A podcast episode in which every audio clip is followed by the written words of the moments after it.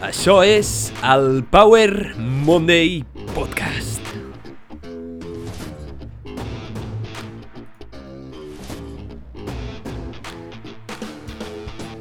Benvinguts al Power Monday Podcast. Soc en Pau, el teu apassionat de fitness, inspiració i ciència. I en aquest podcast, cada setmana et porto un missatge, personatge, concepte o eina poderosa per ajudar-te a descobrir com desbloquejar la grandesa que tens dins teu i viure millor gràcies a la ciència, l'exploració i el coneixement. Estic molt agraït perquè m'acompanyis avui i espero que aprenguis molt d'aquest episodi. Som-hi!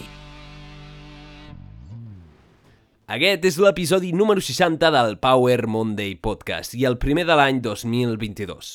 Quan comença l'any ens marquem nous propòsits. Anar al gimnàs, perdre pes, trobar una nova feina, trobar parella, etc. Però n'hi ha un que sol ser bastant recurrent, que la gent sol intentar cada any, i és el d'aprendre una nova llengua o millorar un idioma que ja estem aprenent o intentant estudiar.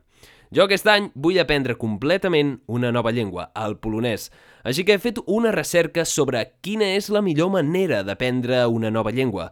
Per on s'ha de començar? Quins són els possibles beneficis d'aprendre una nova llengua i, sobretot, com es pot aprendre una nova llengua de manera ràpida, fàcil i eficaç. Per tant, en aquest episodi comparteixo amb tu tot el que he après condensat sobre la recerca de com aprendre una nova llengua perquè puguis aprendre aquell idioma que fa temps que vols aprendre. Tot amb consells pràctics i basats en la ciència. Som-hi! Utilitzes el teu llenguatge, la teva llengua, cada dia i de moment et va bé, però per què hauries d'aprendre un nou idioma? Carlemany va dir una vegada, tenir una altra llengua és posseir una altra ànima, una altra vida. Així que abans d'anar a veure com podem aprendre millor una llengua i quins són els principis per aprendre, deixa'm que et presenti 7 increïbles beneficis que aprendre un nou idioma et pot aportar a la teva vida. 7 beneficis que poden ser un bon motiu per començar a aprendre una nova llengua. Som-hi! El primer benefici que té aprendre una nova llengua per tu és que et permet millorar les teves capacitats mentals. I és que diferents estudis han observat com aprendre i saber més llengües et dona unes millors capacitats mentals, com la capacitat de concentrar-te, d'escoltar la gent, t'augmenta la teva flexibilitat cognitiva, que és l'habilitat de moure't d'una tasca a l'altra, és a dir, fer un multitasking, i et permet tenir noves perspectives. I de fet, molts estudis han demostrat com aquells que són bilingües tenen una millor capacitat de processar informació i millors habilitats cognitives que les persones que només dominen una llengua. Les poblacions que són bilingües també tenen una millor memòria i flexibilitat cognitiva. És molt interessant com pots guanyar més habilitats gràcies a aprendre noves llengües, perquè al final estàs estimulant el teu cervell a que aprengui i això et fa ser una persona més competent en moltes àrees. Anem a veure el segon benefici. El segon benefici va relacionat amb aquest i és molt important, i és que ser bilingüe ha demostrat retrasar l'expressió de les malalties relacionades amb la memòria i la cognició com l'Alzheimer.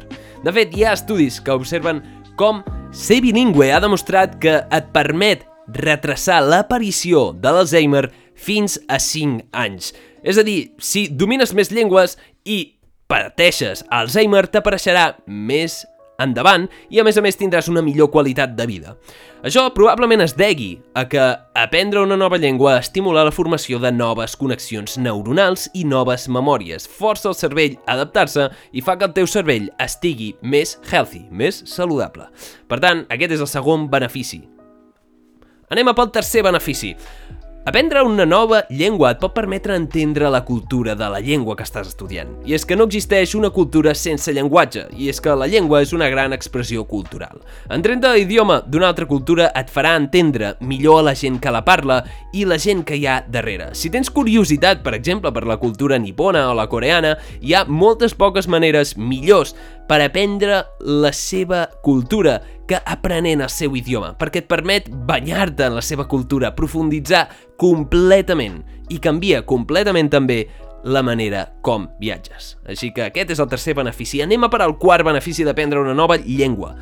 El quart benefici és que t'obre a moltes ofertes laborals. Quan domines completament una llengua que poca gent domina, t'estàs especialitzant i és una eina que pots utilitzar per moure't millor i per obtenir millors ofertes laborals. De fet, estadísticament, les persones que tenen més llengües cobren més diners que les persones que en tenen menys. Això podria ser més una pura coincidència en que les poblacions que tenen més llengües estudien més i per tant treuen uh, millor rendiment econòmic de les feines que tenen o simplement perquè viuen en països desenvolupats. Podria ser una coincidència, està clar. Però, estadísticament, la gent que sap més llengües cobra més diners. I és que et pot obrir moltes, moltes portes. El cinquè benefici és probablement el més important per mi, i és que t'obre la possibilitat de tenir experiències increïbles, d'experimentar coses inimaginables. I és que imagina't amb quanta gent pots connectar gràcies a comunicar-te amb la seva llengua. Però ja saps anglès, oi? Probablement. I probablement pensis, ja, em puc comunicar amb l'anglès o puc fer servir el Google Traductor. Però hi ha una cosa amb les llengües maternes, una cosa que canvia completament la interacció. I és que hi ha un autor que va dir una vegada quan parles a una persona amb la seva llengua materna, li toques l'ànima. D'alguna manera, la nostra llengua materna significa bastant per nosaltres i té una cosa especial que ens fa sentir diferents, té un valor cultural. I és que et sorprendrà molt quan parlis amb una persona amb la seva llengua. Veuràs com els ulls li brillen d'una altra manera i s'emociona al saber que una persona parla la seva llengua. Això passa més amb llengües poc estudiades o que no són tan mainstream com l'anglès. Amb l'anglès és poc probable experimentar això, perquè es dona com per suposat que qualsevol persona ha de saber anglès. En canvi, amb les llengües poc estudiades, només que deixis anar un parell de paraules amb la seva llengua materna, creu-me que causaràs una gran impressió a la gent i pot néixer una molt bona connexió social amb aquella persona. Jo, per exemple, dient quatre paraules com gràcies o hola a diferents països he pogut experimentar això i la connexió és increïble i sempre genera bones vibracions i bons moments irrepetibles i t'obre moltes oportunitats, sobretot a l'hora de viatjar. En sisè lloc tenim el benefici de que et millora la vida social i va relacionat amb l'anterior perquè saber més llenguatges et permet també guanyar intel·ligència emocional i et permet moure't en entorns multiculturals, perquè si tens la capacitat de comunicar amb una persona que no es pot comunicar amb la resta, li obres una porta. Li obres una porta com a traductor o una persona amb la que pots comunicar que en aquell principi estava sol. Et dona eines socials per crear millors moments amb la gent que parla altres llengües. Increïble. El setè i últim benefici d'aprendre una nova llengua és que és molt divertit. I és que aprendre llengües pot ser molt divertit si realment t'interessa. És molt curiós veure com altres cultures i països estructuren la transmissió de missatges i mola molt realment desxifrar aquest enigma, desxifrar com funcionen les llengües. És com un joc i el teu cervell, vulguis o no, li agrada una mica. Com molts processos d'aprenentatge tenen moltes lliçons, a més a més, personals que et poden permetre créixer i et poden donar aquella sensació de superació personal quan aconsegueixes parlar en aquell idioma. Per tant, aquests són els set beneficis. I tot i que aquests beneficis són increïbles, el per què més important, el motiu pel qual tu vols estudiar una nova llengua depèn de tu i és el que farà realment que et dediquis a estudiar i poden ser diferents motius. Per mi, els motius d'estudiar polonès aquest any són diferents. En primer lloc, és perquè és divertit. En segon, perquè la meva parella parla polonès i tinc ganes de parlar amb ell en polonès. I en tercer, perquè tinc ganes de parlar amb gent que sigui de Polònia amb aquest idioma per veure la reacció. T'obre moltes, moltes portes. Hi ha més motius. El teu depèn de tu. Val. Quina llengua aprendre és una bona pregunta. Probablement diguis, val, Pau, m'has convençut, els beneficis són brutals i aprendre una nova llengua m'obrirà moltes portes, però quina nova llengua estudio? Perquè n'hi han de més difícils i de més fàcils. Quina és la més fàcil? Això és important, i és que si jo t'hagués de donar un consell, et recomanaria que estudiessis aquella llengua que t'apassiona més, aquella que realment et desperta curiositat. Però, si el que estàs buscant és una llengua útil, és bo saber l'anglès, perquè l'anglès, vulguis o no, es convertirà en una llengua cada vegada més important, tant per lo bo com per lo dolent. I és que és la llengua internacional, s'ha reconegut internacionalment i és la llengua que més no natius, és a dir, més persones que no és la seva llengua materna, el parlen i l'estudien.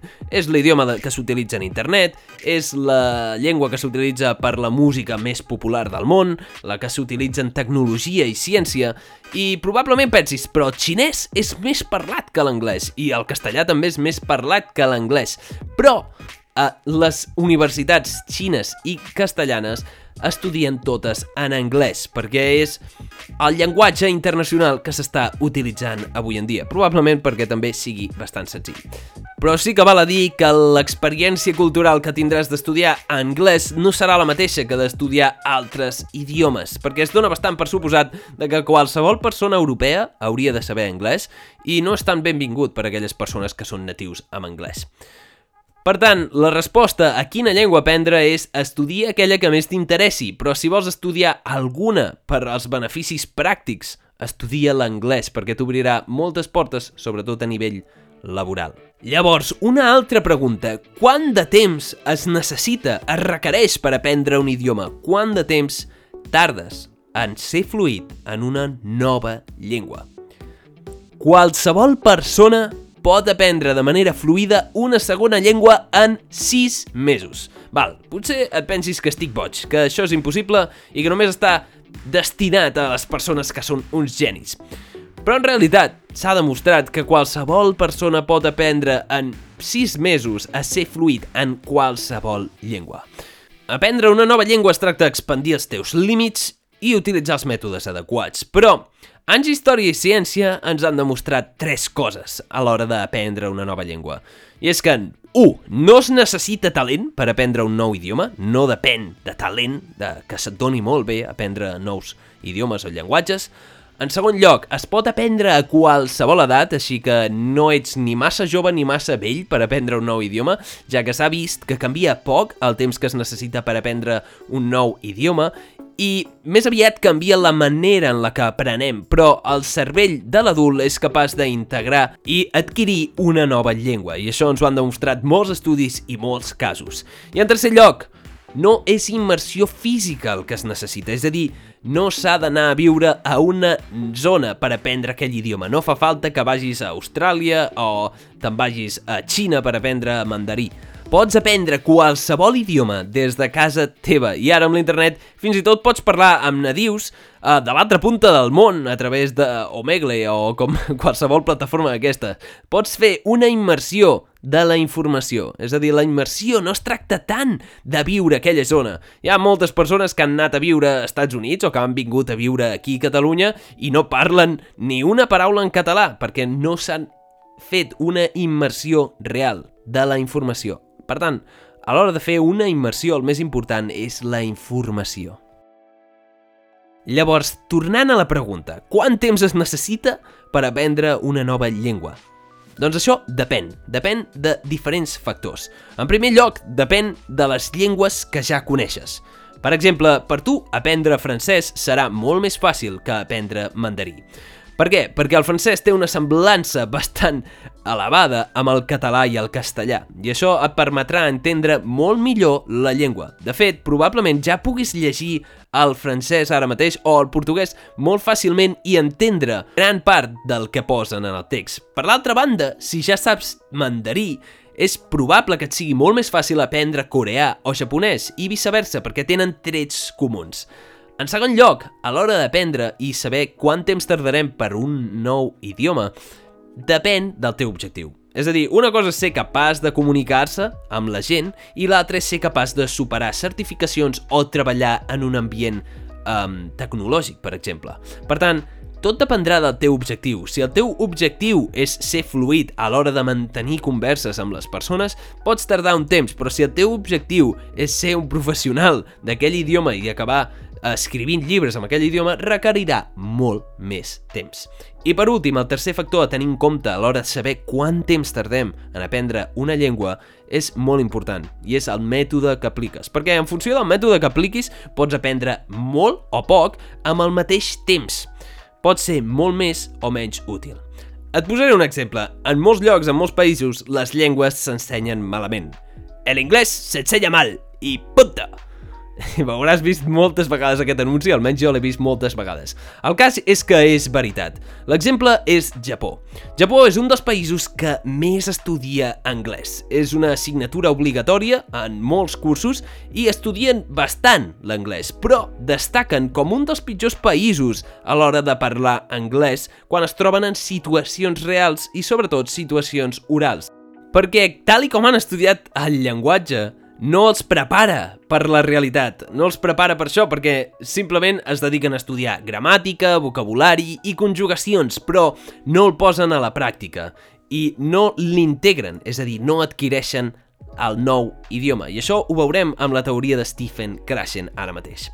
El mateix m'ha passat a mi durant molts anys amb l'anglès, de la manera que l'aprenia a l'escola era molt diferent a la manera en la que l'he pres jo individualment.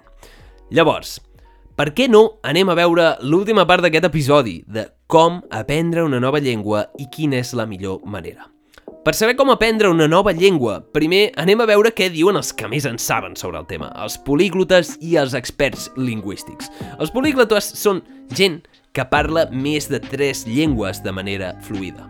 I un dels políglotes més referents en el món és Steven Kaufman, que és capaç de parlar més de 20 llengües diferents, de manera fluida. El més curiós i increïble de Stephen Kaufman és que va començar bastant gran. Va començar a estudiar noves llengües als 60 anys. Ara en té 76 i domina més de 20 llengües. Això demostra que l'edat no és una barrera per aprendre un nou llenguatge. A part d'ell, hi ha molts altres exemples. L'Stephen Kaufman ens explica que el cervell és una màquina de reconèixer patrons. Ens explica que el cervell és bastant dolent a l'hora de recordar, però és molt bo a l'hora de reconèixer patrons i de formar nous patrons. Per tant, a l'hora d'aprendre un nou idioma ens recomana que siguem pacients i que exposem el nostre cervell a molts patrons de llenguatge. Al cap i a la fi, el llenguatge és una estructura constant que en general és bastant regular i s'anirà repetint, així que podem acabar reconeixent els patrons. I és així com els nens adquireixen un nou llenguatge, reconeixent patrons i fent proves, a veure de quins patrons són els que funcionen, no ho aprenen a través de la gramàtica i les normes que s'utilitzen. Amb això traiem el principi més important de tots a l'hora d'aprendre una nova llengua, i és l'entrada de la informació. Aquest fet s'ha demostrat científicament per el científic investigador lingüístic Stephen Krashen, que ha estudiat el procés d'aprenentatge al llarg de molts anys i va arribar amb una teoria lingüística coneguda com la teoria de Stephen Krashen. Aquesta teoria ens diu bastantes coses, però el punt més important és que existeix una diferència entre aprendre i adquirir un llenguatge. Els nens adquireixen el llenguatge sense saber les normes lingüístiques. Um, no estudien les normes lingüístiques en si, sí que els hi ensenyem més endavant, però molts poden aprendre sense anar a classe. Ens diu aquesta teoria que adquirim una llengua quan comprenem un input, és a dir, una informació, i això ens permet avançar en la nostra competència amb l'idioma. L'adquisició de les normes gramaticals, per tant, succeeix de manera natural quan s'entén la llengua, no quan s'estudia l'estructura de la llengua. La paraula clau d'aquesta teoria és el comprehensive input, o la informació que es comprèn. I és que la teoria de Stephen Krashen ens demostra que no s'aprèn una llengua memoritzant llistes de paraules o normes o fent exercicis, sinó reconeixent patrons que tenen sentit en un context cultural i social amb la resta de la informació. És quan la informació la comprens i t'és útil de debò, no quan la has de memoritzar. El cervell aprèn si l'estimules constantment durant un temps. De fet, no ho pot evitar, i si tu l'alimentes amb molts patrons, constantment els reconeixerà tard o d'hora. Però ho fa a poc a poc, i la comprensió va abans que la comunicació. La comprensió va abans que la comunicació. En poques paraules, aprendre les normes gramaticals i lingüístiques no sol ser tan útil com exposar-te elevadament a informació útil, No sé si queda clar. Espero que sí. La teoria de Stephen Krashen és molt més extensa que això i té cinc hipòtesis i si vols més informació la pots buscar, però aquest és el punt essencial. Fer la diferència entre adquirir i aprendre un llenguatge i saber que el més important és l'entrada d'informació per tal de que sigui rellevant en un context cultural i social, que la teva informació, és a dir, la informació que utilitzes, sigui útil. El segon principi per aprendre llengües és que has d'estar motivat per fer-ho, t'ha d'interessar, has de tenir interès per la llengua, bàsicament t'ha d'agradar una mica. Com més t'agradi, més fàcil i més ràpid aprendràs aquesta llengua. Per tant, el per què, el motiu pel qual estudies una nova llengua és molt important en aquest sentit. Per tant, aquesta exposició de contingut o a informació massiva que et recomana el senyor Steven Kaufman per que aprenguis a reconèixer patrons ha de ser d'informació que t'interessi, d'informació que t'agradi, perquè si consumeixes contingut que no t'interessa, que t'avorreix, que no t'agrada, no aprendràs. Has de fer exercicis o has de buscar informació en aquesta llengua que estàs intentant aprendre que t'agradi, que et faci sentir bé. Ara posaré un exemple personal meu. Durant molt temps he estudiat anglès a l'escola i tot i que no se'm donava malament, la veritat és que quan l'havia de posar a la pràctica, quan l'havia de portar a la realitat, no em servia. Sí que aprovava i treia bones notes amb l'anglès, però en realitat no sabia anglès. Havia après, però no havia adquirit l'idioma. Llavors, durant un temps, els últims 3 anys concretament, he estat escoltant molts podcasts i vídeos en anglès. De fet, tot el meu YouTube és en anglès. Tota la informació que consumeixo és en anglès. I d'alguna manera o altra, sense donar-me en compte, he acabat assolint un nivell molt increïble o bastant respectable d'anglès, fins al punt que algun nadiu m'ha confós per una persona que parlava anglès. Això és bastant sorprenent perquè la meva intenció a l'hora de consumir aquest contingut no era realment aprendre anglès, sinó que el contingut que hi havia darrere realment m'interessava. I és així com, sense adonar-me'n, he assolit un nivell d'anglès que em permet escriure articles i parlar de manera completament professional amb l'anglès, sense estudiar les normes gramaticals. Probablement, estudiar-les ara no m'aniria malament per assolir un millor nivell, però per arribar a aquest nivell no he hagut d'estudiar, sinó adquirir el llenguatge. Aquest és el secret de l'exposició massiva a contingut rellevant que t'interessa de debò. Ei, això no vol dir que no hagis d'aprendre vocabulari. El vocabulari en si és més important que la gramàtica.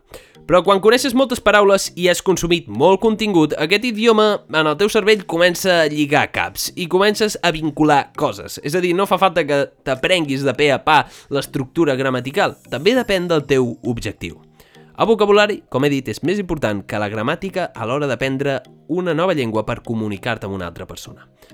Llavors, el tercer punt que comparteixen Steven Kaufman és que, bueno, Stephen Kaufman i Stephen Krashen, és que els dos es diuen Steven, llavors, els dos Stevens, és que ets responsable del teu aprenentatge, no el teu professor. Si esperes que un professor realment t'ensenyi o posi tot contingut dins del teu cervell, no, no anem bé, no anem bé. Així no ho faràs, l'has d'aprendre tu. El teu aprenentatge depèn completament de tu. Vist això, hi ha 5 coses a tenir en compte. Sí, aquest episodi té moltes llistes. Hi ha 5 coses a tenir en compte per aprendre una nova llengua, i totes estan interconnectades. Són la memòria, la atenció, el sentit que tenen les coses, la rellevància i l'estat en el que et trobes quan aprens. És a dir, l'estat seria pues, l'estat mental en el que estàs, si estàs content, si estàs trist.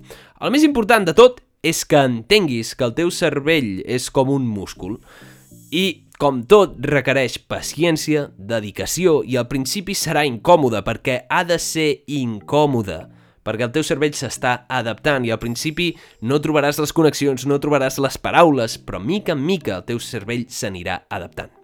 Per tant, quin és el millor mètode per aprendre una nova llengua? Eh, la resposta potser no t'agrada, i és que no existeix un millor mètode universal.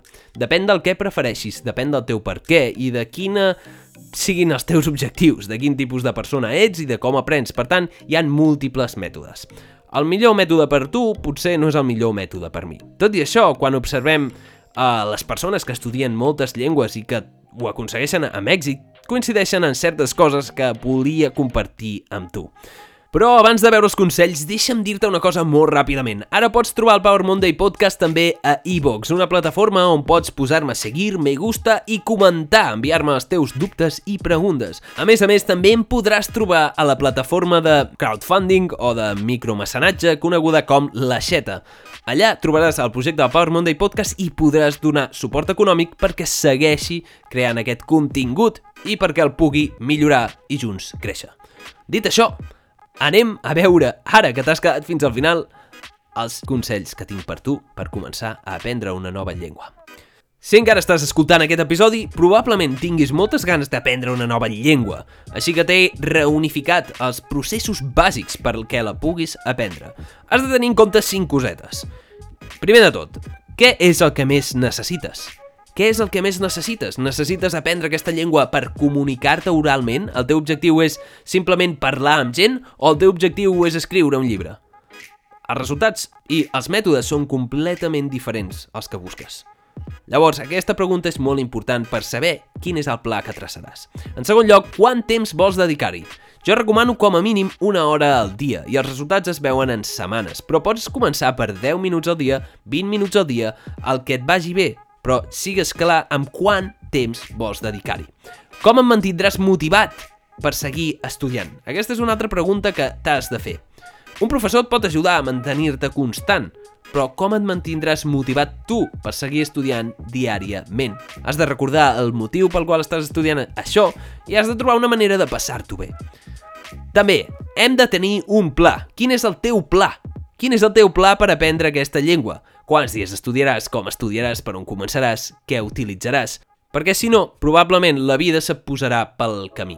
És a dir, posa't un pla i posa't una meta, una data d'entrega, un dia on vols arribar a aconseguir una cosa. Aquestes quatre cosetes et poden canviar molt, però ara et donaré tres consells pràctics perquè puguis aplicar ara mateix. El primer, i probablement el consell més important que et donaré avui, és que t'exposis a molta, molta, molta informació. Exposa't a molta informació perquè el teu cervell reconegui patrons. Això ho pots fer fent servir YouTube amb subtítols, perquè YouTube et permet llegir a l'hora que escoltes i a l'hora que veus com una persona es comunica. Així que Escull un vídeo, mira-te'l moltes vegades, apunta aquelles paraules que vas aprenent, aquelles paraules que vas entenent de nou, i així ajudaràs a reconèixer molts patrons i mica en mica el teu cervell es anirà adaptat. Aquest és el consell número 1. Llavors, el consell número 2 és que juguis, que t'ho passis bé, que provis, que no tinguis por de provar, que vagis a chats, que parlis amb gent, que busquis un company amb qui parlar aquell idioma. Aquest és el segon consell, posa-la a la pràctica, posa't en situacions reals i si no, practica davant del mirall. Quan comprens realment una cosa és quan la integres i quan adquireixes el llenguatge, no quan aprens l'estructura de com funcionen els verbs. D'acord? Aquest és el segon consell. I el tercer consell és que et centris inicialment en un core, en les paraules més importants. Aquest consell és molt útil, però pot ser una mica controversial. L'important és que la majoria de converses passen només amb menys de 3.000 paraules en tots els idiomes. Un cop entens com s'utilitzen aquestes paraules i quin paper juguen en la conversa, pots mantenir el 80% de les converses i rarament apareixeran moltes més converses. També depèn del nivell que vulguis assolir. Per tant, et recomano que comencis per les paraules més importants perquè a vegades aprendre com es diu el color blau o el color vermell no és útil si realment en aquell llenguatge no utilitzen tant els colors o no parlen gaire dels colors. Potser és més útil saber on està això, vull anar aquí, com em pots ajudar, com et dius... Aprèn les paraules bàsiques, les paraules que són realment útils. I per acabar, deixa'm dir-te una cosa. Si estàs aprenent una nova llengua, sigues pacient, sigues positiu, passa-t'ho bé, Exposa't al màxim contingut possible i reconeix el progrés, reconeix aquelles coses que aprens i posa-ho en pràctica cada dia que puguis. Realment, el viatge d'aprendre una nova llengua pot ser fascinant, llegendari i espero que per tu sigui molt emocionant i molt divertit. Digue'm, quina és la llengua que vols aprendre, que et proposes aprendre, i recorda que a l'hora de tenir nous objectius aquest any, compartir-los amb altres persones Públicament, dir vull aprendre aquesta cosa, faré això, augmenta la probabilitat de que siguis constant i de que ho acabis fent. Per tant, comparteix amb mi quin és l'idioma que vols aprendre aquest any. Com jo he dit, vull aprendre el polonès, així que en un any acabaré sent fluid en polonès i probablement en coreà. I si vols, t'animo a dir-me als comentaris quina és la frase, quin és el missatge amb el que et quedes d'aquest episodi. I això és tot per aquest episodi. Moltíssimes gràcies per haver escoltat aquest episodi. Espero que t'hagi agradat molt o t'hagi aportat una mica de valor. Recorda, si t'ha agradat, si us plau, comparteix aquest episodi, posa'm seguir a Spotify, em pots valorar també a Spotify a través del mòbil, posa 5 estrelles al show i recorda que em pots trobar a iVox, i b o o x una plataforma on pots deixar-me comentaris i seguir-me i ara també em pots trobar a La Xeta, una plataforma de crowdfunding on pots fer la teva donació per donar suport en aquest show. Espero que t'hagi agradat molt aquest episodi. El missatge principal és que si vols aprendre un nou idioma no és tan complicat com sembla. Sobretot, t'has d'exposar a molt contingut i fer-ho divertit. T'ha d'apassionar realment i en 4 dies sabràs una nova llengua que t'obrirà a una infinitat de possibilitats i nous beneficis que ni t'imagines. T'animo molt a que aprenguis una nova llengua, idioma. En aquest episodi he fet servir distidament llengua, idioma i sóc conscient de que no és correcte del tot i em disculpo per si t'has enfadat. Stephen Kaufman i Stephen Krashen, dos grans que pots analitzar per aprendre més sobre com aprendre una llengua, amb els que he basat gran part d'aquesta revisió bastant extensiva i potser un podcast massa llarg sobre com aprendre una nova llengua. Aquest any estaré aprenent polski, eh, estaré aprenent polonès, i ara diré unes coses en polonès. Atenció! W roku nauczyć się polskiego. Jutro i codziennie będę się uczyć półtorej godziny. Què vol dir? Aquest any aprendré a parlar polonès i demà i cada dia estaré estudiant una hora i mitja diària. Com sempre et desitjo una setmana èpica i que aquest any 2022 sigui el millor any de la teva vida. Ens veiem en el pròxim episodi. Ciao! O com es diria en polish, do widzenia.